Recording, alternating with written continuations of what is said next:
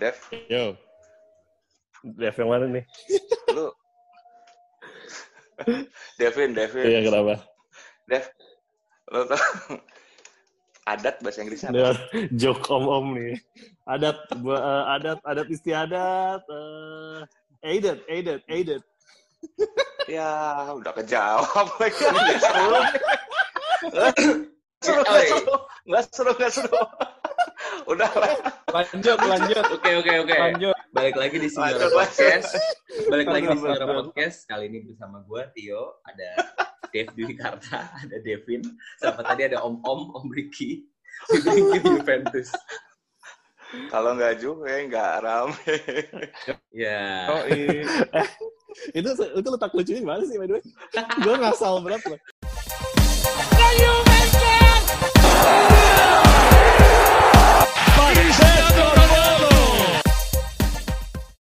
Kemarin kita habis pertandingan lawan Lazio. Terus cuman seri satu sama. Padahal eh, sebelumnya kita dua kali tuh menang 4-1. Um, menurut lu, Vin, gimana, Vin? Hasil Ah. seri lawan Lazio ini. Setelah sebelumnya dua Ya, sebelumnya inkonsisten kan, terus menang Ah. dua kali 4-1. empat satu. Iya. Hmm. Gimana? Ya, seperti yang dibahas di episode terakhir ya, menurut gua kan eh, Pirlo itu me- mensimplify everything lah menurut gua. Jadi eh, istilahnya dari segi defense, dari segi eh, pemain-pemain tengah, dari cara dia nyerang juga eh, kelihatan sekarang eh, apa attacking outputnya eh, cuma satu, yaitu antara Kulusevski atau Chiesa dari tiga pertandingan terakhir. Eh, ya buat gua eh, dengan dengan dengan strategi kayak gini lebih gimana ya lini tengah tuh lebih bisa ngeredam eh, lawan ketika diserang gitu. Ketika ketika Juventus diserang tuh lebih bisa ngeredam ngeredam lawan gitu. Eh, apa dibanding kalau dia tuh main kayak ya kayak main CM aja gitu main FM aja gitu. Semua gungho serba serba menyerang. Ada Chiesa di kiri ada Kulusevski di kanan.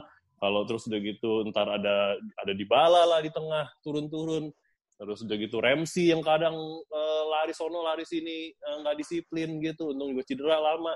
Eh, jadi ya Tetep ya Ramsey ya? amburadul gitu. Jadi jadi menurut gua amburadul dengan kayak kalau sekarang ya udah jelas seperti yang gue bilang. Oh yang di kiri mau nyerang itu Chiesa ditambal sama Danilo gitu kasarnya. Ada ada yang punya imbangnya di kanan Cuadrado mau nyerang ditambal ada McKennie gitu. Untuk untuk untuk menyeimbangkan gitu di depan link up-nya Ronaldo sama Morata gue bilang sangat-sangat bagus ya dalam eh, eh, apa dua pertandingan terakhir gitu. Jadi ya ya apa eh, kemarin lawan Lazio sih bisa dibilang tidak menguasai pertandingan sama sekali. Cuma ketika going forward eh, ya kelihatan ada polanya gitu. Ini yang menurut gue eh, salah satu positifnya ya gitu. Jadi setiap setiap mereka going forward kelihatan banget sangat-sangat mengancam gitu. Udah jadi gitu aja sih menurut gue ya masih banyak. Room Jadi for lebih ada- improvement. Progresnya nggak sih? ya progres pasti ada ya gue bilang. Maksudnya improvement ya seperti yang tadi gue bilang maksudnya improvement itu ada gitu. Eh, dari dari dari mereka going forward kan jadi ya kelihatan lah lebih lebih lebih ada lebih ada lebih ada purpose lah gitu. Eh, maksud gue tuh eh, sebelum sebelumnya ketika mereka bergungho gungho ria itu dengan semua attacking playersnya menurut gue tuh nyerangnya tuh nggak ada purpose gitu nah ini tuh ada purpose biarpun cuma di misalnya cuma biarpun cuma dilakoni sama tiga orang, misalnya Kulusevski, Ronaldo sama Morata atau McKennie, Ronaldo sama Morata. Nyerangnya tuh ada purpose, tahu nih pemain mau ke mana, mau ke mana, mau ke mana, gitu. Gitu aja sih. Jadi ya ya so far sih improvementnya ada gitu, cuma ya kita lihat eh, apa nanti nih Delik sama Sandro balik juga gimana gitu. Eh, harusnya sih membantu ya. Om Rik gimana Om Rik? Gitu. Menurut Om Rik? Udah Kalau menurut- adjustment-adjustment yang dilakukan oleh Pirlo ini di dua match terakhir, tiga match terakhir lah dibilang. Terutama di lawan Pirlo Lazio. Pirlo tuh ininya di di di taktik penggantian pemain kalau gue ngeliat kurangnya dari beberapa match setiap kali dia ganti pemain ini jadi blunder ini jadi seperti bumerang gitu ya beda sama Allegri yang justru terkenal saat penggantian pemain itu justru menentukan either menang atau ya mempertahankan posisi. Betul memang mainnya jadi nggak bagus gitu ya zaman Allegri. Tutup apa tutup kunci lah begitu lubang tutup lubang. tapi mungkin justru di situ. Tapi justru mungkin di situ kali bagusnya si Allegri. Kalau di kalau Pirlo beberapa kali dia ganti pemain justru blunder. Kayak waktu itu masukin Lord Bernadesi tiba-tiba penalti atau dalam beberapa kali. Atau yang terakhir kali aja kemarin. Kalau gue ngeliat gini kita jebloknya itu begitu Kulusevski keluar. Setidak-tidaknya saat ada Kulusevski kita punya otot. Ingat nggak yang dia nerima bola dari tengah tiba-tiba bisa lolos tiga hadangan pemain Lazio maju ke depan? Artinya otot dan otak itu ya. iya iya iya. Apa Lazio akhirnya dia tidak fokus untuk menyerang Juventus, dia harus fokus juga untuk bertahan. Begitu loh. Nah, saat dia keluar, digantiin sama Dybala yang entah posisinya di mana, gue juga nggak ngerti dia mau mainnya di mana. Kadang di tengah, kadang di depan, kadang di belakang. Betul, memang dia work rate-nya bagus gitu. Cuman berkali-kali diambil bola malawan, akhirnya membuat pertahanan Juventus kewalahan gitu. Jadi pola penggantian pemain Pirlo ini yang justru harus kita sorot sebetulnya. Kalau dalam dalam dalam pertandingan sebelumnya, sorry, da, dalam permainan menit menit-menit sebelumnya, kalau gue ngerasa sih sudah mulai bagus ya, sudah mulai kelihatan wajahnya kita. Fluidnya udah dapat. Transisionalnya dari tiga ke empat back sudah kelihatan. Begitupun ketika dari bertahan menyerang. Sudah sudah kelihatan. Tim juga sudah mulai kompak. Kelihatannya sama Kulusevski sebagai penyambung. Depan dan belakang sudah mulai klop. Sudah sudah sudah mulai fluid gitu loh. Cuman karena penggantian ini yang membuat apa namanya keseimbangan tim menjadi goyah yang membuat akhirnya ya akhirnya kita hanya bisa menyalakan apes deh. Berapa detik sebelum permainan permainan berakhir tuh ya? 10 detik, 5 detik tiba-tiba Berapa detik lah tiba-tiba bobol uh, uh, tiba-tiba Hmm. bobol kalau gue sih ngelihatnya di situ ya penggantian pemain Pirlo ini sampai sekarang lebih ke arah blunder kalau gue ngelihat lebih seringnya blunder daripada membawa hasil positif itu sih bro Hmm. Dev, gimana Dev?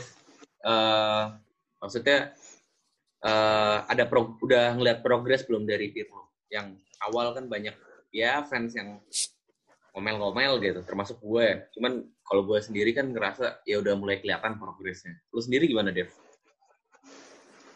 Tadi karena ada yang nyebut-nyebut Lord, ini ada pengumuman sedikit Lord Padoin baru eh, apa? pensiun pensiun.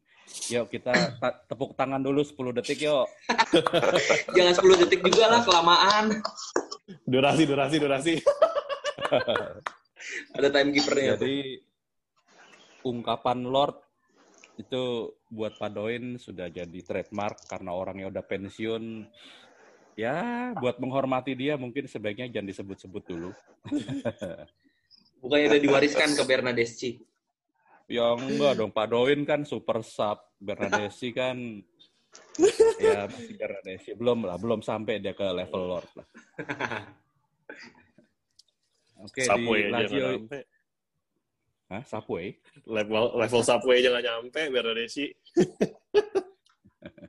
udah, udah, Jok go on, go on. Australia. Joknya Australia itu mah. Nggak, nggak nyambung di sini. masalah adat istiadat dia nggak nyambung apalagi Eh, iya. Bawa-bawa Subway sini. Dulu Subway pernah buka, udah tutup. Nggak, nggak laku di sini Subway. Iya, iya sama kayak, kayak sama kayak Bernadesi. Dulu, dulu buka, dulu bagus. Tapi masih hidup kan Subway di sana? Masih, masih, masih. Gede. Iya, jadi gede. jadi ngomong, jadi ngomongin makanan. Masih, masih dia masih laku. beda lah. Jadi lapar. mah Kayaknya udah musim terakhir ini udah, udah susah. ya anyway, martabak enak nih eh, anyway Lazio Juve, ah menurut gue pening- peningkatan dari Pirlo udah ada, jadi dari pemain sudah lebih memahami. Tapi ya sorry to say waktu lawan Lazio kelihatan banget kualitas lapangan tengah kita nggak memadai. Sama Lazio aja bisa ditekan karena lapangan tengahnya mereka lebih bagus. Jadi mau sebagus apa pun pemain-pemain bisa mengimplementasi kemauan Pirlo, in the end of the day kualitas lapangan tengahnya seperti itu. Jadi uh, kalau dia mau pakai dua pemain lapangan tengah seperti rencana dia di awal kayaknya agak berat ya. Hmm. Mungkin juga mungkin mungkin juga nggak apa bukan kebetulan kita mulai main lebih bagus sejak kita mulai-mulai main tiga lapangan tengah kan yeah, tiga betul, pemain lapangan tengah. Jadi Ramsey nggak udah nggak seperti dulu lagi main ya sebetulnya udah lebih ketarik ke tengah. Kalau waktu dia lagi main ya. Nah jadi menurut gue ya sangat disayangkan sebetulnya konsepnya sebetulnya menarik tuh si Pirlo dari tesisnya itu dan itu kan berhasil secara mengejutkan di partai pertama lawan Sampdoria. Hmm. Ya sayang sesudah itu kualitas lapangan tengah kita ini ternyata seperti itu ternyata di bisa dimanfaatkan sama tim-tim lawan gitu. Jadi ke depannya apakah pemain-pemain tengah kita bisa lebih baik mengimplementasi sehingga Pirlo bisa mainin dua pemain lapangan tengah lagi atau Juve maju ke depan di musim ini pakai tiga pemain lapangan tengah. Ya mungkin nanti di situ uh, perkembangan permainan kita musim ini. Hmm. Jadi untuk khusus satu pertandingan Lazio lawan Juve sih gue melihat ada kemajuan terutama dari tim defense tapi gue pribadi sih sangat kecewa karena di situ terbukti pemain lapangan tengah kita kurang memadai. Even buat lawan tim kayak Lazio. Lazio memang tim papan atas di Italia. Tapi kita kan ngomongin udah level Eropa ya, UCL. Yeah. Ya jadi ya gue kecewanya sih di situ. Nggak berarti kita nggak bisa juara musim ini ya. Cuman kecewa aja ternyata lapangan tengahnya seperti itu. Ya mudah-mudahan maju ke depan ya tambah berkembang deh pemain-pemain yang ada. Karena mau datangin pemain tengah yang berkualitas di uh, pertengahan musim kayaknya sulit ya. Apalagi Juve ada Locatelli, Locatelli, Locatelli. Iya. Kalau Locatelli main Locatelli mau masuk pun dia perlu masa penyesuaian. So, ya gitu deh. Hmm. Jadi mudah-mudahan main counter attacking kita bisa lebih bagus ya. Kalau kita ketemu tim kuat dengan pemain-pemain tengah bagus, itu pengaruh tuh. Kita bisa yeah. menang dengan nyaman kalau counter attack kita bagus dan kita punya modal ya kita punya Kiesa yang cepat, kita punya Morata yang jago counter attack juga, kita punya Cuadrado yang kalau serang balik itu luar biasa tajam, cross-crossnya mulai lebih akurat. Kita punya ini pemain-pemain dengan counter uh, kemampuan counter attack yang bagus. Jadi di beberapa pertandingan awal ini kelihatan kan masih jelek ya. Mudah-mudahan sih itu bisa berkembang tuh. Ya, ya, ya. Nah, kan uh, ya berarti kita intinya sepakat lah ya. Udah mulai ada progres walaupun ya belum maksimal. Gitu. Nah, pertanyaan gue adalah sekarang dengan kembalinya Sandro sama Dilik dari cedera, apakah bisa mengaccelerate perkembangan tim ini. Gimana, Dev? Sandro, Alexandro jelas berpengaruh karena dari kelihatan dari permainan tim ya kita punya kita perlu LWB yang setanding sama Cuadrado dan baliknya Alexandro pasti berpengaruh. Ya, terus yang jadi masalah sih buat gue kalau Alexandro balik ini Kiesa bagaimana gitu karena dulu asumsi gue si Kiesa didatangin karena kita mau main dua penyerang sayap. Satu Kiesa satu uh, siapa? Kulu hmm. buat support salah satu dari Cristiano atau Morata ya. Nah sekarang kan Morata lagi bagus-bagusnya nggak mungkin dicadangin. Cristiano nggak bisa dicadangin. Slotnya tinggal satu antara Kiesa atau Kulu dan kelihatannya Kulu gitu. Jadi Alexandro main harusnya meningkatkan performa tim, cuman gue pengen lihat si Kiesa jadinya ke mana gitu. Terus Delik main itu nggak tahu ya Delik bakal main nggak nih belum pasti kan? Iya. Ngeliat loh bro, Bonucci nggak main. Bonucci nggak main bro, udah nggak ada iya. pilihan. Nggak tahu dia udah siap apa belum karena ini terlalu ini ya. Tapi ya kalau udah siap ya pas banget Bonucci-nya belum fit. Cuman agak-agak riskan menurut gue karena maininnya Delik Demiral ditemenin sama Danilo. Jadi pengatur lapangan eh, pengatur sisi belakang kita itu dikontrol sama dua pemain muda.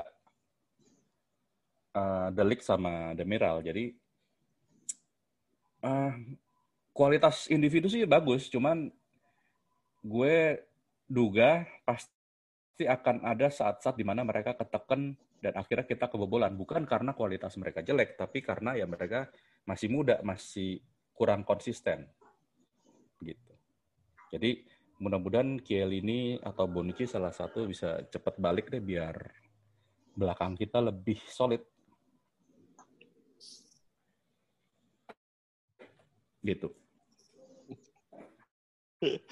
gue gue ini sih gue justru um, um, ini gimana Vin gimana apa, Vin? semangat semangat banget gue ngelihat Demiral sama sama siapa uh, Delik, Delik. Uh, balik dan bakal dipasangin gitu. Even even kalaupun Delik nggak siap gitu ya Demiral Danilo pun uh, I'll take it over Bonucci sama ini ya karena buat gue gue udah capek men ngelihat uh, apa uh, back back Itali ketuaan yang yang udah udah udah apa ya males males. Gue nggak gini back Italia itu kalau udah ketuaan dia itu udah males uh, pasang high defensive line gitu loh. Uh, karena kalau dia kelewatan dia udah males ngejar udah nggak bisa ngejar juga gitu. Jadi uh, gue lumayan semangat sih ngelihat ngelihat nggak adanya Bonucci nggak adanya ini memang betul mungkin secara kualitas uh, leadership secara pengalaman di di lapangan uh, bakal bakal ini ya bakal kena impact ya. Tapi tapi uh, tapi menurut gue uh, mungkin ini ya mungkin inilah saatnya gitu kalau lu mau apa istilahnya uh, bermain uh, uh, menyerang dengan dengan high defensive line uh, dua dua pemuda ini kan masih masih kenceng-kenceng gitu istilahnya.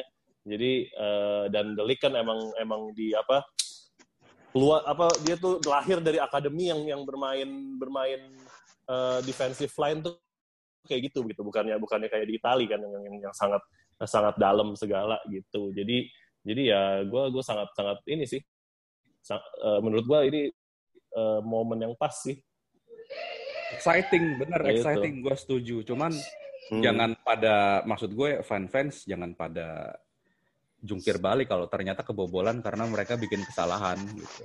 Hmm, iya. Jadi ada ada plus minus ya mainin pemain muda tanpa leadership di belakang ya itu exciting. Hmm. Tapi pasti mereka bikin kesalahan. Mudah-mudahan kesalahan yang mereka bikin itu nggak pengaruh ke hasil pertandingan. Gitu. Nggak separah Bernades. Eh. tapi tapi tapi gue tapi gue ini sih uh, biarpun tanpa leadership uh, Bonucci dan Kiel ini uh, gue lumayan uh, optimis ya maksudnya kan Delik juga bukan bukan bukan anak kemarin sore gitu istilahnya dia, dia kapten kan kapten Uh, uh, jadi kayak pengalaman di timnas juga udah oke. Okay, uh, bis, bisa lah, bisa gitu. lah. Iya, ya pengalaman di timnas juga, iya betul, udah udah udah lumayan banget udah sama Van Dijk gitu. Jadi kayak hmm. uh, memang ada ada selalu ada risk, tapi tapi buat gue uh, ya it's the league not Maguire. Ya. Maguire itu mah kelasnya di bawah mereka juga. Kebetulannya di orang Inggris. Iya, makanya. Kebetulan di orang Inggris. Iya. Oh, gitu. Sama Rugani aja masih iya, makanya, jadi ya maksudnya uh, Delik juga kan di Ajax dulu udah pasangan sama Blind ya kalau nggak salah ya. Iya. Yeah. Ya udah lumayan lah matang sebelum umurnya lah bisa dibilang hmm. anak itu. Omrik, ya, gimana Omrik? Potensi dua uh, apa? Dua pemain ini balik, Andrew sama Delik. Kalau dari sisi back tengah, ini gue setuju sama Devin. Teknis kita naik mungkin sampai dua tingkat kali. Awareness ini betul masalah pengalaman. Tapi Delik bukan orang eh, bodoh kata kasarnya. Dia itu di Ajax juga pemimpin kan, kapten dan sudah terbiasa dengan sistem permainan high defensive line. Jadi untuk masalah awareness itu kita bisa andalkan Delik, belum lagi dengan Danilo. Mungkin Demiral yang harus di diperhatikan karena dia itu awareness-nya itu lebih ke arah suka bikin pelanggaran-pelanggaran nggak perlu. Hmm, Gitu. Serabat serabat serobot. Kan? Ya, Sarabasa versus Montero kalau menurut gua ya. Kalau misalnya dia awareness-nya sudah dapat, aduh, itu kan kita beberapa kali ngelihat footage dia nyolong bola dari belakang, model model kayak Vidal begitu kan, atau larinya juga cepat. Jadi gue pikir untuk teknis kita bisa dua kali lebih bagus daripada trio yang uh, kemarin kita punya. Bahkan kalau misalnya dibandingkan BBC, memang masih kalah lah. BBC kan punya Barzagli, terus prime-nya prime-nya si Bonucci, Chiellini ini itu kan lagi lagi peak banget gitu ya. Tapi ini punya potensi untuk ke arah sana gitu loh. Bahkan mungkin bisa lebih bagus. Uh, mudah-mudahan, mudah-mudahan. Bahkan ekstrim-ekstrimnya, gue bahkan menerima kalau Alaba nggak jadi ke Juventus. Cuman pengen ngelihat triple D ini gitu loh. Karena memang memang dibutuhkan kekompakan yang luar biasa dan Danilo sendiri ini kan kayak si Barzagli kan dia itu dari yang benar-benar dianggap habis tiba-tiba revive tiba-tiba tiba-tiba menemukan formnya kembali. Dan itu sangat-sangat bagus sih menurut gua. Dan harusnya sama si Delik dan si Demiral ini harusnya mereka sudah bisa kompak dengan latihan selama ini gitu walaupun belum pernah main bareng. Sementara kalau untuk Sandro, gue khawatir. Si Kiesa ini anak kesayangannya si Pirlo, anak emasnya si Pirlo, gue khawatir malah nanti yang jadi pemain utama ini si Kiesa gitu loh. Ya akan dikasih lah waktu main si Sandro, tapi kayaknya sih tetap si Pirlo senangnya sama tipe-tipe yang melencar sendirian lari di samping kiri. Kan dia waktu itu dalam pertandingan apa itu? Lawan Barcelona kalau nggak salah. Dia kalau nggak salah keceplosan, dia bilang, taktik kami adalah memberikan bola kepada Kiesa. Tapi tim memilih memberikan kepada Dybala ke lapangan tengah. Artinya apa?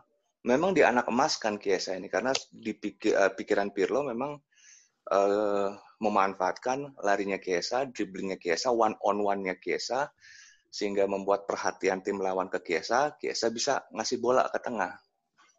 Nah itu kan sebetulnya naif ya kalau misalnya kita bertahan sama pola pikir kayak begitu. Yang artinya apa? Khawatir Sandronya malah nggak kepake. Padahal menurut gue sih untuk tim lebih seimbang, ini justru Sandro sama Cuadrado yang bagus. Iya setuju. Gitu loh. Ya kan, ya, jadi mudah-mudahan ya kita lihat aja nanti lawan Cagliari. Sandro bisa jadi pemain utama atau ngegantiin Kiesa justru. Ya kita lihat nanti bagaimana. Hmm. Gitu sih bro, menurut gua. Nah, um, kalau apa mengenai uh, Dybala gimana nih Dybala?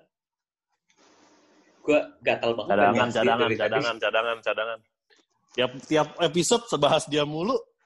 Udah nggak usah dibahas lah dia, udah. Iyalah dia Udah. Dia itu sulit mau jadi cadangan juga susah. Dia perlu waktu buat panas. Mau dicad jadi cadangan jelek. Mau disuruh iya. main dari awal ya jelek juga. Kalau mau main disuruh dari awal dan mau bagus ya di, si timnya harus dirubah supaya bisa support di bala. Betul. Iya, Cristiano iya, jangan dimainin. Iya. Ya pilih aja salah hmm. satu itu Cristiano atau di bala tendensinya sih lebih di bala waktu ya. zaman Sari kan ditaruh di pusat permainan di depan situ kan di tengah situ jadi memang dia memang requestnya dekat dengan gawang kalau sekarang kan ke belakang dia jadi dengan hmm. di belakang dia bertindak seakan-akan Messi pindah kanan kiri depan belakang itu cuman ngapain di belakang? luar biasa itu cuman udah ya ada itu. orang udah ada pemain-pemain yang lebih kompeten daripada betul, dia buat main di sini ngapain dia mundur ke belakang? Messi wannabe nggak usah diomongin lagi. Udah bener nggak usah diomongin iya, lagi. Iya emang udah biarin aja lah. Dia mau panasin mesin dulu bodo amat gue mah. Ini juga dia dimainin jadi cadangan ya biar dia panas kan? Maksudnya bukan buat iya. pertandingan itu ya. Ya buat Malah buat ke depan. bikin kebobolan. Biar iya.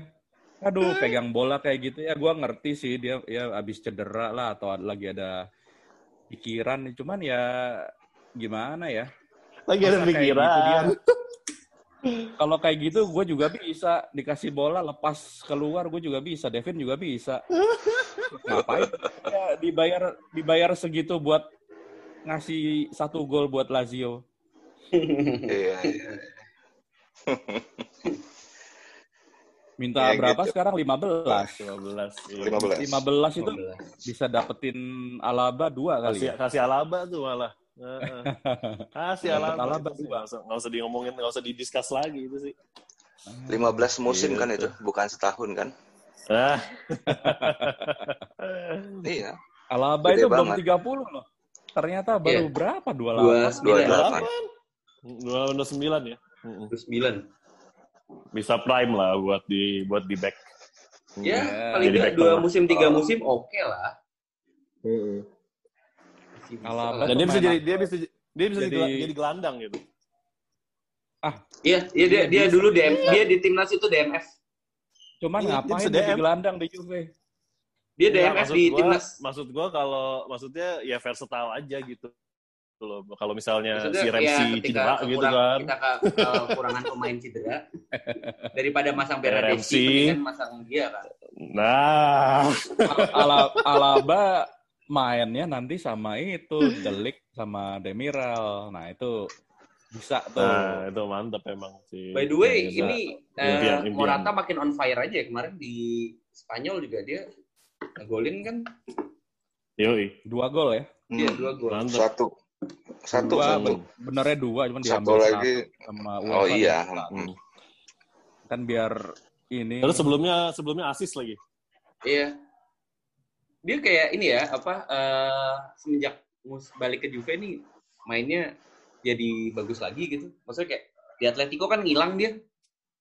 Di Atletico di Iya, Chelsea kan ngilang. dia. ya Atleti soalnya mainnya memang gimana ya ya Iya. gitu deh mainnya si siapa pelatihnya Simeone. Simeone. Simeone. Simeone ya emang gitu Simeone. Lalu dia tuh strikernya Simeone itu mesti model-model siapa tuh namanya Costa. Diego Costa. Ah, Diego Costa ya. model-model gitu Costa tuh Costa. Iya. Se- Yang kalau- ini yang apa kayak Man, sebenarnya kayak Mandzukic tuh modelnya dia banget tuh ya. Ah, Cuma nggak. Iya. ini. kayak Sebenarnya si cuma juga nggak jalan tuh. Immobile juga bisa tuh Immo- Immobile itu. Iya.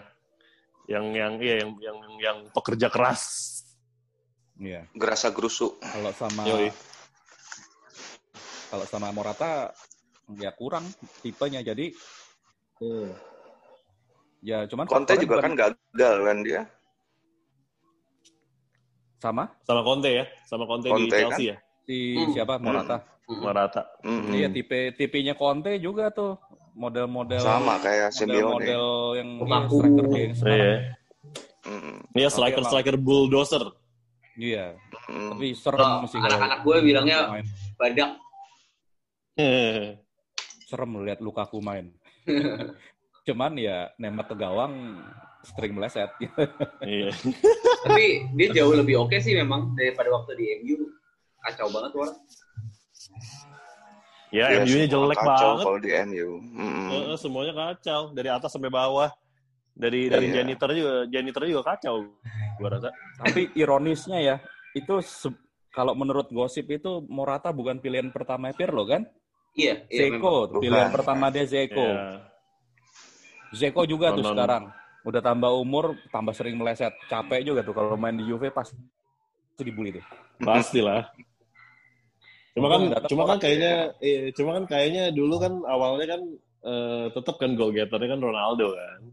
Makanya Iya. Zeko dianggap Zeko eh, eh, di apa eh, dianggap tuh bagus nih buat tektokannya Ronaldo nih gitu buat jadi Benzema Benzemanya Oh, iya. Ronaldo di se- gitu. Pasti bagus, Tujuannya cuman gitu iya. iya, cuman aduh lihat dia banyak buang-buang peluang, gue mikir tuh kalau jadi masuk Juve pasti dibully tuh.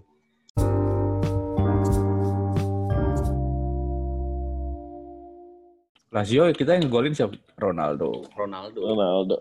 Nah, eh beri- eh, si Morata ini kan memang lagi on fire banget dan bisa dibilang dia striker Juve yang paling komplement si Cristiano. Tapi dia punya satu kelemahan yang lumayan lah ya. Offside-nya itu loh. Di timnas kemarin juga sempat offside kan kalau nggak salah ya. Iya nggak sih? Incorrectly Iya, tapi. iya. Enggak, itu mestinya gol tuh. Iya gol harusnya. Iya. Iya incorrectly incorrectly offside makanya.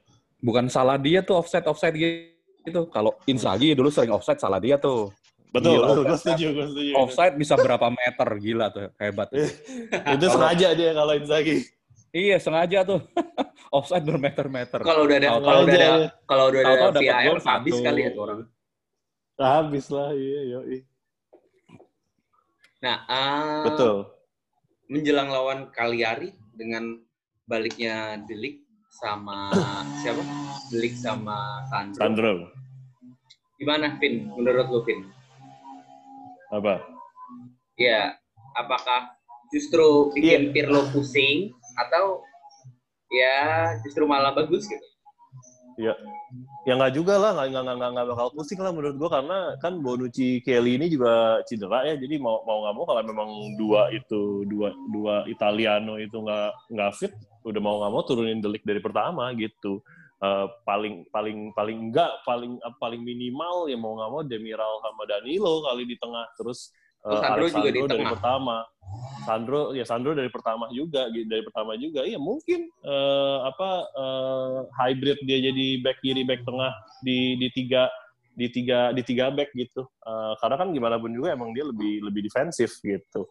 Eh, cuma ya seperti yang gue bilang tadi prospeknya menurut gue ya itu gue lebih gue lebih eh, excited ya dengan dengan ngelihat dua eh, dua center back yang yang apa eh, kasarnya yang lebih biasa bermain high defensive line gitu loh. Eh, dibandingin kalau aki-aki Italiano ini kan kalau misalnya udah iya kalau benar kan kalau misalnya back Italia itu kalau udah udah udah udah high defensive line kalau udah ketinggalan malas ngejar kelihatan banget jadi tuh gue Oh, kalau Agak- Kelly agak- ini mah nggak aki-aki lah. Dia, dia mah masih tuh. ah, lan- lansia ya udah Udah agak lambat tapi masih. Kalau Bonucci iya tuh.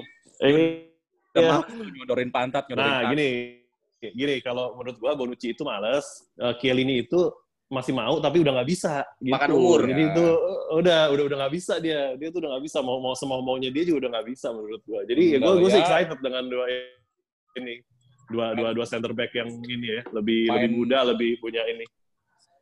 Gimana, gimana? Exciting sih, exciting sih. Lebih Cuman mampu. ya itu. Cuman ya itulah. Gue yakin nih, kita lawan siapa aja ke depan nih. Cagliari. Kita di di lokal lawan siapa ya? Cagliari, Benevento, Torino, Hmm. Desember ya Genoa. Ini kan tim-tim papan tengah ke bawah nih. Hmm. Iya. Gue yakin nih pasti bikin kesalahan yang bikin kita kebobolan. Hmm. Minimal dua Gitu ya. pertandingan. Cagliari, Benevento, Torino, Genoa ya. Gue yakin minimal dua kali kebobolan gara-gara salah satu dari dua itu bikin kesalahan. Cuman gue Nah. setuju sama lo. Ini benar, exciting, very very exciting karena dua-duanya cepet, dua-duanya punya body gila, Dan Kalau bagus si- juga. tackle-nya dua-duanya bagus kan. Kalau Dan ngatur serangannya juga bagus Delik kan. iya, Delik bagus di kalah ngatur sama serangan, benar. Nggak nggak kalah sama Bonucci. Kalah apa enggak gue nggak tahu, tapi bagus. Eh, Dan terus gue senangnya lihat si Demiral itu tackling-tacklingnya. Jadi kayak Ricky bilang, ngingetin nama Montero. Itu sedap banget liatnya tuh. Oi, Hmm. Cuman pasti suatu saat kena nih. Penalti. udah kena kan? Udah kena ya. Ya, Kartu merah. enggak Pasti mereka kena. main juga pasti ada kesalahan, Bro. Si Bonucci lu tahu sendiri kayak gimana mainnya. tapi Ya kan? ya eh, gue Betul, kayak betul. ya gue mendingan pemain muda yang bikin salah gitu daripada Bonucci yang bikin salah. Iya. Cuman Iya, jangan pada jangan pada ini marah-marah kalau kalau sampai seri lawan tim papan tengah ke bawah gara-gara mereka bikin kesalahan. Enggak, enggak. Ini bakal jadi titik balik nih. Ini bakal jadi Itu- revolusi. revolusi Enggak, back tengah karena- Juventus. Sebenarnya sih gini, Twitter itu udah udah banyak loh yang ngomel-ngomel gara-gara Demiral. Ya kalau gue sih pribadi Ah, gini, gue kalau misalnya yang bikin kesalahan kayak Demiral gitu, gue nggak apa-apa gitu loh.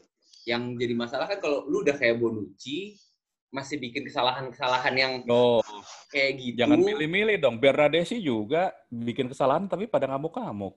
Ya Bernadeschi kan Sama kan sama-sama muda. Ayo.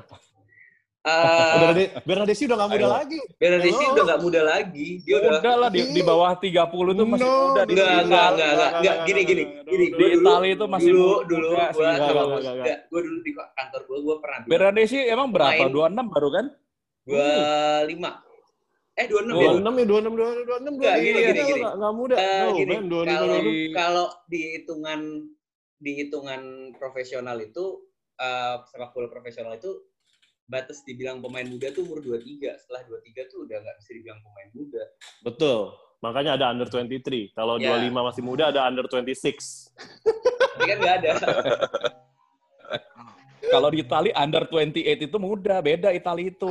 No, ya. Kita kan ngomongin Juventus, level Eropa. Kita, Nggak, nggak kita bisa. ngomongin Di Juventus, kita ngomongin Liga nggak, Itali. Enggak, enggak, enggak, enggak. Nggak, nggak. Iya, memang Ah. betul. Liga Liga aki-aki. Liga Di. Bala aja masih dibilang muda. No, no, Nggak, enggak. Dybala Umur udah berapa Dybala? 27. Iya, itu masih Di- dibilang muda loh. Siapa yang bilang muda? Di kamus gua udah udah udah Banyak muda. Di yang bilang muda. Ya, Nggak, itu banyak. Nggak Nggak, usah dia dengerin lah itu netizen netizen nggak nggak ngerti bola itu. Ya, batas bilang muda tuh ya 23. Betul, itu Kalau- gue setuju. Hmm, dua tiga. Iya, iya, iya. iya. Ada objektivitasnya kan, U23. Nggak Iya. ada U28. Oh, Demiral Iya, juga kan? 23 nih. Ini Demiral 23 kurang dikit nih. Ya betul, Bentar lagi. makanya dia. Ya kan dia masih muda. Make, make Tapi it kan cuma kurang nih. dikit. Iya, make Si, it or break it. si nih. Bernadesi juga lebihnya cuma dikit. Kira di sini sembilan- ini. 94 kan? 94 berarti Jadi udah- harus konsisten dong. Kalau lo Nggak, mau yang muda, semua yang muda lo eh, Enggak dong, Beradesi udah nggak muda dong. Enggak, enggak muda, enggak muda. Wah, gila. Iya, udah, udah, udah, udah. Beradesi udah umur Cukup, cukup. 26. Cukup untuk Bernadesi. Ngomongin apa tadi? Ya, eh, ini apa? eh, ya kurva Twitter lah marah-marah. Ya balik lagi sih kalau gue sih kalau bisa nunjukin main yang kayak kemarin nih, yang dia tiga pertandingan terakhir loh. Eh, itu menurut gue udah cukup sih buat nggak marah-marah karena progresnya udah lebih baik lah dibanding sebelumnya.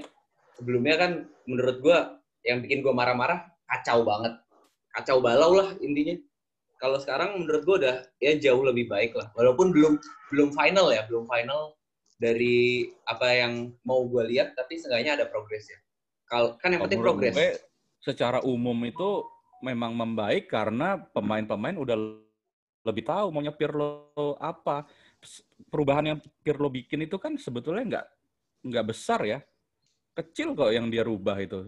Cuman efeknya besar karena pemain-pemain sudah lebih nyaman. Menurut gue sih gitu.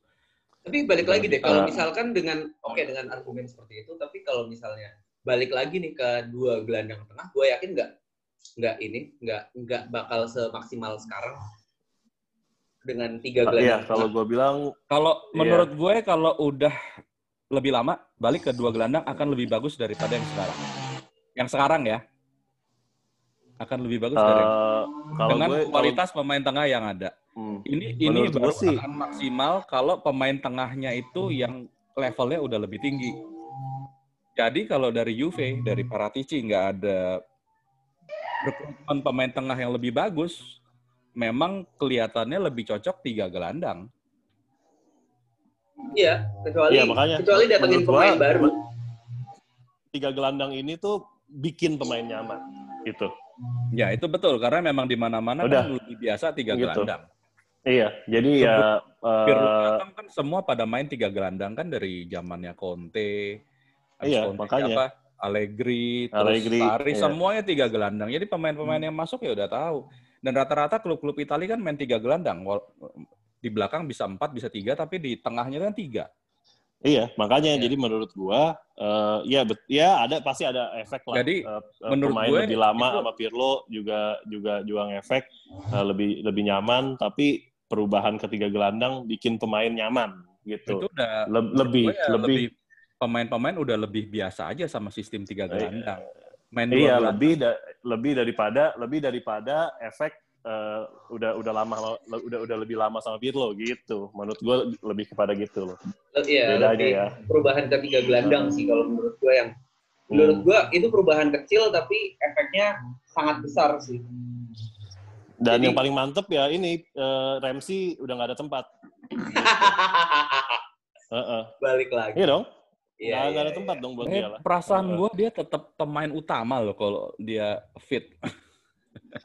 Karena dia satu-satunya tipe pemain gel- gelandang yang bisa di tiga pemain tengah, dia bisa juga maju ke depan, ngisi lubang. Betul, tapi menurut gue dia main kayak gini, aduh, nggak disiplin banget, nggak disiplin banget. Karena dia menurut gue eh, bagus waktu lawan Sampdoria itu karena dia di- dikasih kebebasan yang yang yang yang yang yang sebebas-bebasnya gitu sampai dia jadi striker lah eh, di beberapa momen gitu kan. Eh, tapi di kalau dia main tiga gelandang ini, ini menurut gue butuh kedisiplinan yang yang yang berkali-kali lipat gitu dan dan gue cuma bisa lihat itu di McKennie, Bentancur, Arthur dan Rabiot ya dibandingin dibandingin Om Rick Ramsey gimana, Om Rick? gitu.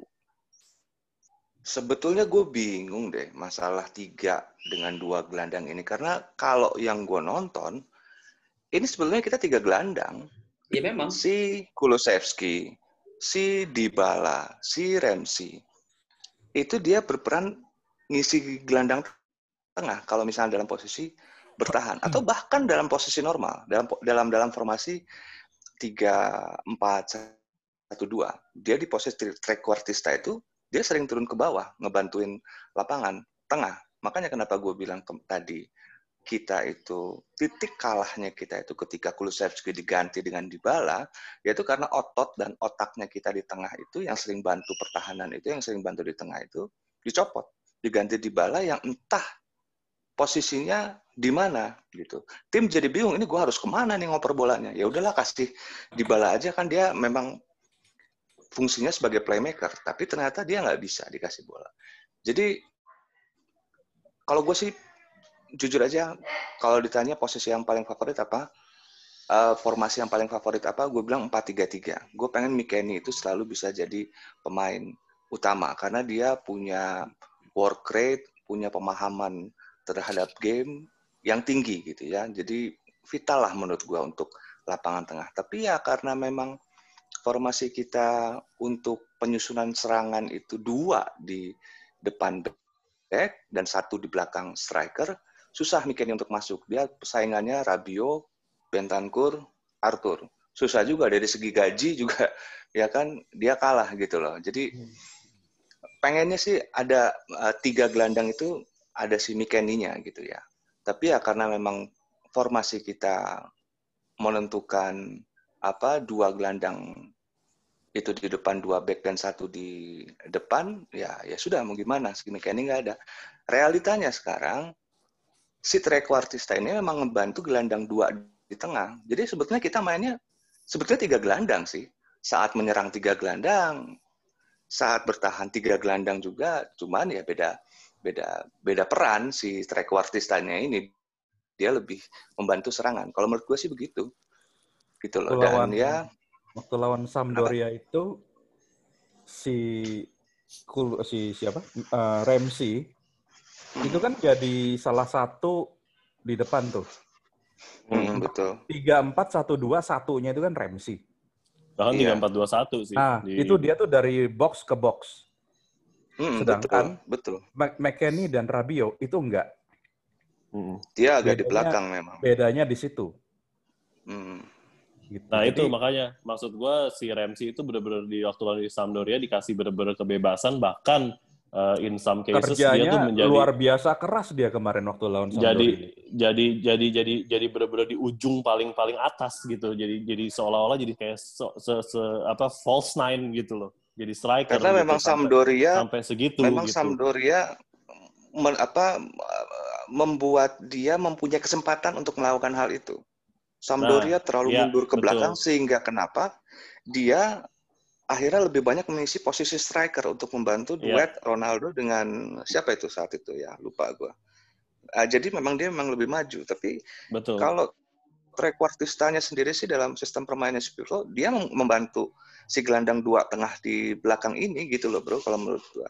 Makanya kenapa kalau gue pikir sih walaupun kreativitasnya kurang sebenarnya bisa loh si Mikeni ini ngisi posisi trequartista itu cuman ya kreativitasnya kurang dan kita sudah terlanjur investasi sama si Kulusevski. Begitupun Dybala. Masa apa dua-duanya disingkirkan oleh si Mikeni pasti juga manajemen pasti mikir kan begitu. Berat juga. Padahal sih gol gue sih pengennya dia yang isi. McKennie- Kita lebih imbang loh. main- Ada dia. Mainnya, iya, McKennie juga mainnya box to box loh.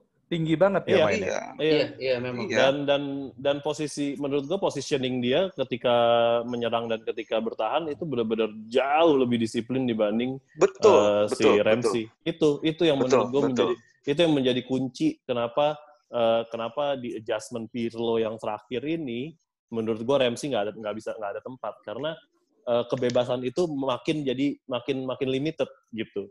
Eh, kebebasan itu makin Nggak limited bisa. nggak ada Ramsey nggak masuk. Ramsey nggak masuk. jadi pemain seperti McKennie itu tuh lebih lebih cocok untuk kayak gini. Betul memang Mm-mm. going forward mungkin emang emang minimal banget.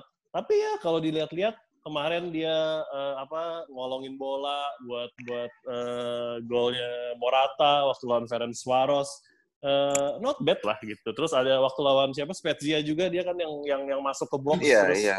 ngasih ngasih itu gitu. Jadi kayak menurut gue ya ya ya dia lebih lebih tepat sih eh, sosok yang lebih tepat dibandingin Ramsey di di di di, di Pirlo ya di taktik Pirlo yang terakhir terakhir ini ya. Mm-mm. Jadi maksud lo Gitu. kalau dua-duanya lagi fit, McKennie main dan Ramsey cadangan. Oh, ab- abadi itu mah. Mutlak. Nggak abadi lah. Nggak, Dia bisa masuk menit-menit ya 60-70 lah. ya, kalau lu siap ngelihat dia buang-buang bola kayak di bala terus kebobolan sih, why not? Nah, gini ini mau lawan Cagliari. Cagliari itu main belakangan ya 4-4-2, 4-4-1-1. Kita gimana? satu satu dia. Kita mainnya gimana dan siapa yang main? Ya karena Ramsey cedera, eh, alhamdulillah ya jadinya McKennie harusnya main karena McKennie juga apa udah balik balik salah satu pemain yang balik duluan eh, dari international break. Formasinya dulu kita main apa nih? Oh formasi ya ya Empat, empat seperti pemain biasa. belakang apa tiga pemain belakang? Tiga pemain belakang. Gue rasa Ya, masih akan tetap terus tiga pemain belakang deh selama di bawah. Ber- Berarti Ya. triple D main ya? Triple D ini ini eh Delik, Demiral, sama Danilo. Nah, oke. Tengahnya Ya, main, kemungkinan main menurut berapa gua- tengahnya? Kecuali ya Tengahnya kecuali kalau Milik belum siap. Milik belum siap, mungkin Tengahnya- Sandro bisa main di situ. Iya. Either Delik atau? Sandro. Back Tengahnya gue bilang McKennie eh McKennie si antara Arthur atau Bentancur mungkin Bentancur kali ya Bentancur sama Baru Arthur balik bisa jadi sehari dia. iya ya mungkin Rabio udah antara itu terus salah satu salah satu di sayap antara ya Kiesa mungkin masih cedera ya jadi Kulusevski depan Ronaldo Morata Dev gimana Dev gitu. prediksinya untuk lawan Cagliari? Formasi belakang siapa? Ya kalau masih pada cedera ya udah pasti triple D di belakang. Hmm. Kalau menurut gua tetap tiga pemain belakang dengan dua wingback. Dua wingbacknya Cuadrado dan Alexandro. Depannya udah berapa tuh? Depannya Morata sama Cristiano. Ya, Kurang kurang berapa? Tiga ya? tiga tengah. Ramsey cedera, terus Chiesa masih cedera. Ya otomatis dong tiga pemain eh ada Kulu ya, bentar.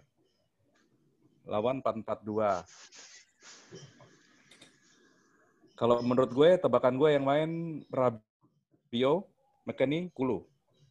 Kulunya agak ke depan. Om Rick,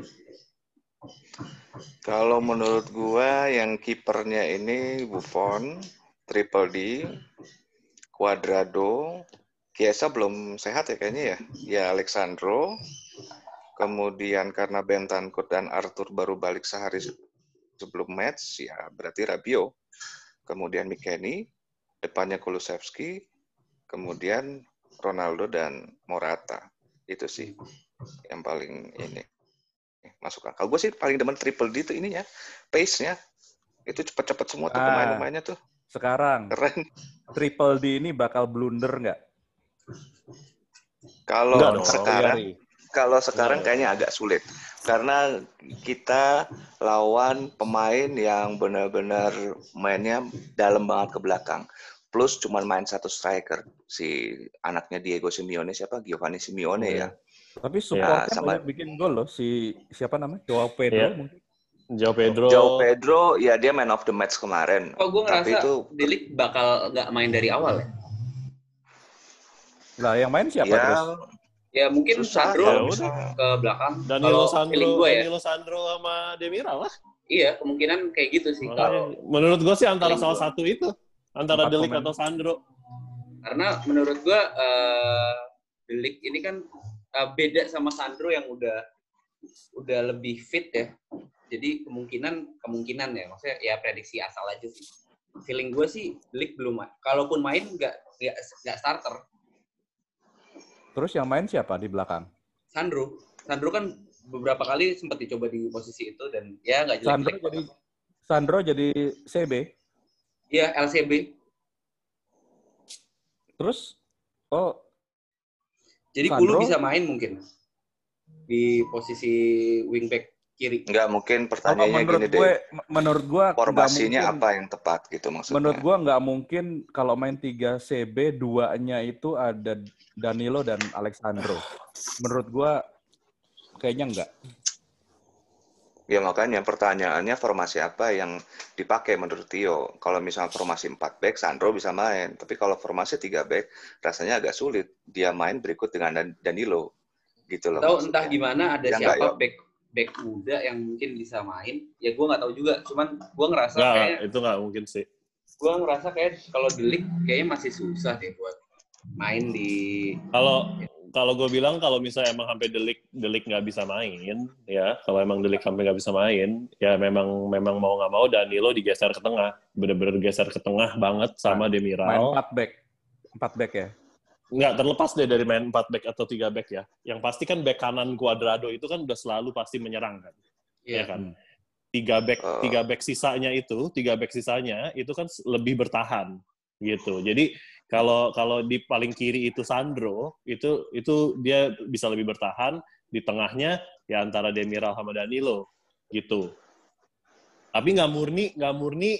Ini ini yang ini gue bahas dari episode kemarin. Tapi nggak murni tiga tiga sentral kayak zaman Conte main tiga back gitu. Ngerti nggak? Jadi Satu tuh kayak, bener-bener ah. bonu, satu tuh bener-bener Bonucci jadi jadi libero libero bukan role juga nggak libero sih, coba posisinya tuh kayak libero gitu, yang sweeper sweeper. Sweeper sweeper. nggak nggak nggak ada nggak ada posisi itu gitu menurut gua. Tetap tetap kayak ti- tiga backnya yang seperti kita ngomongin lah uh, agak hybrid gitu loh. Jadi jadi Sandro emang lebih ke belakang.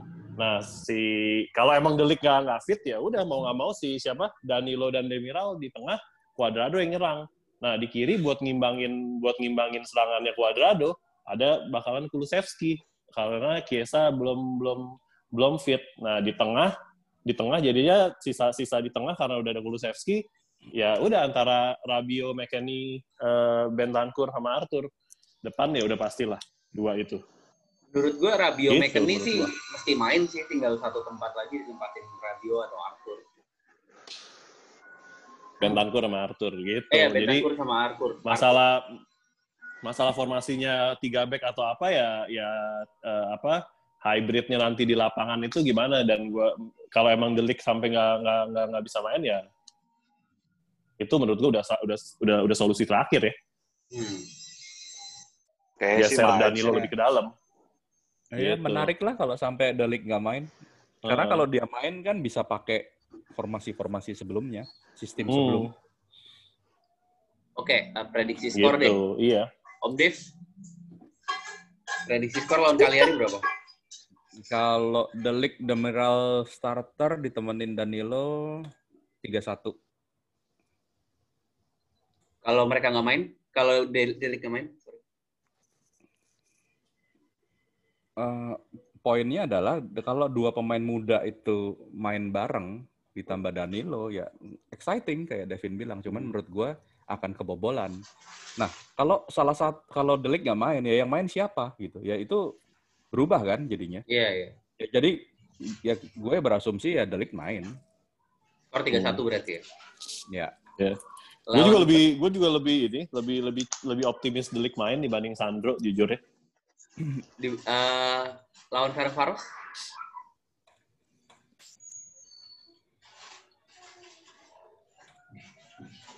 Loh, siapa nih? oh Iya, masih lu masih, deh masih Bang Dev. Oh, masih gue. Nah, lima kosong lah Gue belum cek. Ntar yang mau main siapa juga kita kan belum tahu ya. Eh, ya Nah, aja. balik apa belum? Ya kalau dengan eh, Kurang lebih sama lah, kurang lebih sama. lah. availability yang sama, Mm-mm. ya kebobolan satu lah, cetak tiga lah, sama-sama tiga satu lah. Hmm, Dua kali tiga satu berarti ya. Iya. Vin lawan Kaliari Vin. Tahun Kaliari ya, kalau gue sih eh, ya seperti gue bilang gue lebih optimis The League main dibanding Sandro. Eh, eh, jadi gue sih 3-0 lah lawan Cagliari. Eh, terus Lawan lawan Ferencvaros? Fe- 5-0. I- eh, ini catat catat ini adalah revolusi back tengah Juventus. Catat Kalau kalau kebobolan gimana? Lo dua Setuju itu sih. dua game Kalau- kan nggak kebobolan Ah. tuh. Kalau kebobolan Ah. gimana? Nah. Kalau gue ya udahlah mau gimana lagi namanya juga sepak bola. Iya kan? Omrik Omrik gimana Omrik? Lawan Iya, gue setuju sih. Triple D ini exciting banget ya. Kita akan main high di- high high high line lah, maju banget ke Nah, depan. Itu Dan gue iya, benar optimis, gue optimis, gue optimis kita bisa clean sheet kok. Gue optimis kita bisa Ah, clean kalau sheet. itu Karena emang- setuju. Nah, apa namanya? Mudah-mudahan Cagliari ini dari 15 kali kebobolan, barusan gue baca, dia setengah ini dari dalam kotak penalti, setengah lagi dari luar kotak penalti. Jadi kita punya kesempatan tuh gol-gol tendangan bebas dari Ronaldo misalnya, cuman ya jangan sampai. Ya bukan jangan sampai sih sebenarnya gini, gue males paling males sama yang namanya pahlawan semu, mainnya jelek banget, tapi karena hoki bikin gol gitu loh. Hmm. Ya, tapi sepanjang misalnya dalam hal ini di, di bala gitu ya, sepanjang itu bisa naikin moralnya dia, why not sih? Tapi Hmm. bisa lah, kita bisa. 2-0, 2-0 mah bisa. 2-0. Kemudian Hmm. kalau lawan Ferencvaros, Ferencvaros? kita akan main full tim ini. Habis-habisan, karena kan menentukan kelolosan kan ya, lawan Ferencvaros ini nih. Em, kita akan full tim dan mudah-mudahan 2-0 mah dapat lah. 2-0 dapat. Dua Mudah-mudahan. kali dua kosong ya berarti. Iya, dua kali 2-0. Lazy judgment sih, tapi ya kebayangnya sih segitu. Iya nih kalau menang lawan Ferencvaros kayaknya lolos ya. Lolos lolos kalau ya, tergantung hasil Iya. Barcelona sih juga sih sebenarnya. Cuman kayaknya Barcelona Iya.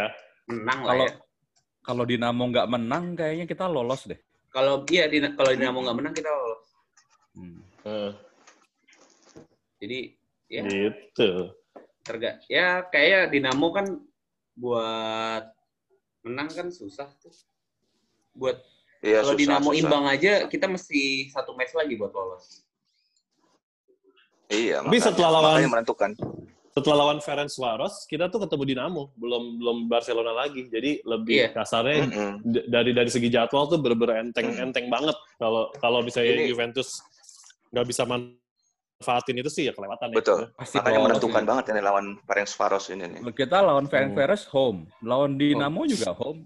Juga home, iya exactly. Makanya Cuma makanya gue bilang 99% lolos asal di Makanya- Ferencvaros, betul. The League atau Demiral nggak bikin blunder, kita pasti lolos. Enggak, Eh, revolusi ini revolusi. ingat ingat kata gue revolusi, revolusi Agak back tengah blunder. Kagak blunder di belakang, kagak Eh, blunder. Ya, tapi tadi Nggak, tadi tadi siapa yang ngomong? Eh, Tio ya, Tio bilang kan, eh, ya pakai Bonucci aja masih bikin kesalahan gitu. Udah might as well eh, pakai Demiral Delik lah gitu. Iya iya. poin yang bener. Iya itu iya. poin yang Itu, bagus po- banget. itu poin gue. Daripada Itu, eh, lihat Bonucci itu- yang bikin blunder, mendingan lihat Demiral Delik yang bikin blunder. Seenggaknya itu mereka terlalu menyederhanakan. Ad- ada ada poin di mana kalau yang main Bonucci ini nggak akan terjadi masalah dibanding yang main Delik Demiral. Koordinasi lapang apa pertahanan di belakang. Ya betul. Sebagus betul, itu apa ada. sih si Bonucci mengkoordinasikan lapangan tuh? Nggak, terlalu nggak terlalu bagus bukan memang, kelebihan dia kok. nggak terlalu bagus. Cuman ini kita ngomongin dua pemain muda yang yang memang talenta tinggi, tapi kan baru main bareng berapa lama sih? Umur baru berapa? Poin Iya, gini, gini, gini. setuju. Tapi- Pemain-pemain tapi- belakang tapi kita- yang udah veteran itu poin kelebihannya adalah mereka bisa menggalang pertahanan selama tertekan dan keluar dari tekanan. Itu poin pentingnya. Makanya sampai Betul. sekarang Tapi itu si Bonucci sampai Sergio Ramos masih bisa. sekarang masih kepake. Nah, si siapa itu di Barcelona? Pique masih kepake ya karena itu. Speednya kan udah amit-amit itu si Pique itu. Iya. Mereka nggak ada duit buat beli Montero pun Gabriel. begitu, Jadi- bro. Montero Oh, pun begitu. Tapi Bonucci bukan Montero. Bonucci kemampuannya bukan terkenal dari cara dia mengorganisir pertahanan, tapi Bukan, tapi dia umpan-umpan panjangnya membuka tapi Ya, membuka pertahanan lawan gua, kan. eh, Keunggulan dia ada Bonucci pengalaman. sama Ramos dan Pique sih ya jauh sih. Oh, jauh, tapi kemampuan distribusi bolanya juga jauh. Iya, iya Bonucci memang salah satu yang terbaik sih kalau harus gue akui. Iya, kalau mendistribusikan. ya, in the last Jadi decade. walaupun bukan memang memang benar, memang benar, lo Hmm. benar. Kita bakal kemungkinan kita akan main high line defense. Kenapa? Kita punya dua terback tiga, tiga tiganya cepat malah. Mm-mm. Jadi kalau uh, kalau lengah dikit masih bisa pakai speed ngejar. Hmm. Cuman di keluar untuk kelu- untuk keluar dari tekanan itu yang masih gua sanksikan karena pemain lapangan tengah kita nggak bagus-bagus banget. Betul. Jadi Iya, secara bisa sih. umum secara umum sih kualitas kita jauh di atas Cagliari, Ferencvaros, Benevento, Dinamo. Tapi akan ada saat-saat di mana kita ditekan dan di situlah gunanya pemain veteran di belakang buat keluar dari tekanan. Hmm. Jadi menurut gue ini karena mereka baru mulai main akan terjadi deh blunder-blunder salah komunikasi. Ya kalau udah tambah sering main Mungkin, nanti mungkin. udah di paruh kedua ya ntar habis winter sih gua rasa pasti jauh membaik. Jadi mudah-mudahan sih buat gue ya itu di lawan Ferencvaros kita bisa menang mau blunder apa enggak. Jadi beres gitu. Dua pertandingan sisanya udah nggak pengaruh. Kalau sampai kagak Desember. menang, Oh, parah. Desember. Kalau sampai kagak menang, ya peluang sih masih cukup besar juga karena masih lawan Dinamo di home ya. Hmm. Cuman Iya. kan kalau sampai kagak menang gara-gara pemain belakang ini ngeblunder ya kan pengaruh juga dong ke permainan mereka buat game-game selanjutnya gitu. Jadi menurut gue nih agak gambling nih. Walaupun ini necessary ya harus karena pada cedera. Ya agak-agak gambling mudah-mudahan nih duet Demiral Delik ini ini deh mentalnya nggak jatuh kalau sampai blunder. Enggak, guys dengerin dengerin pokoknya dengerin kata gue ini adalah revolusi back tengah Juventus. Itu ingat Oke gitu deh. aja. Udah, Oke deh. ingat itu. Pegang itu aja. Oke deh, gua rasa cukup buat episode kali ini.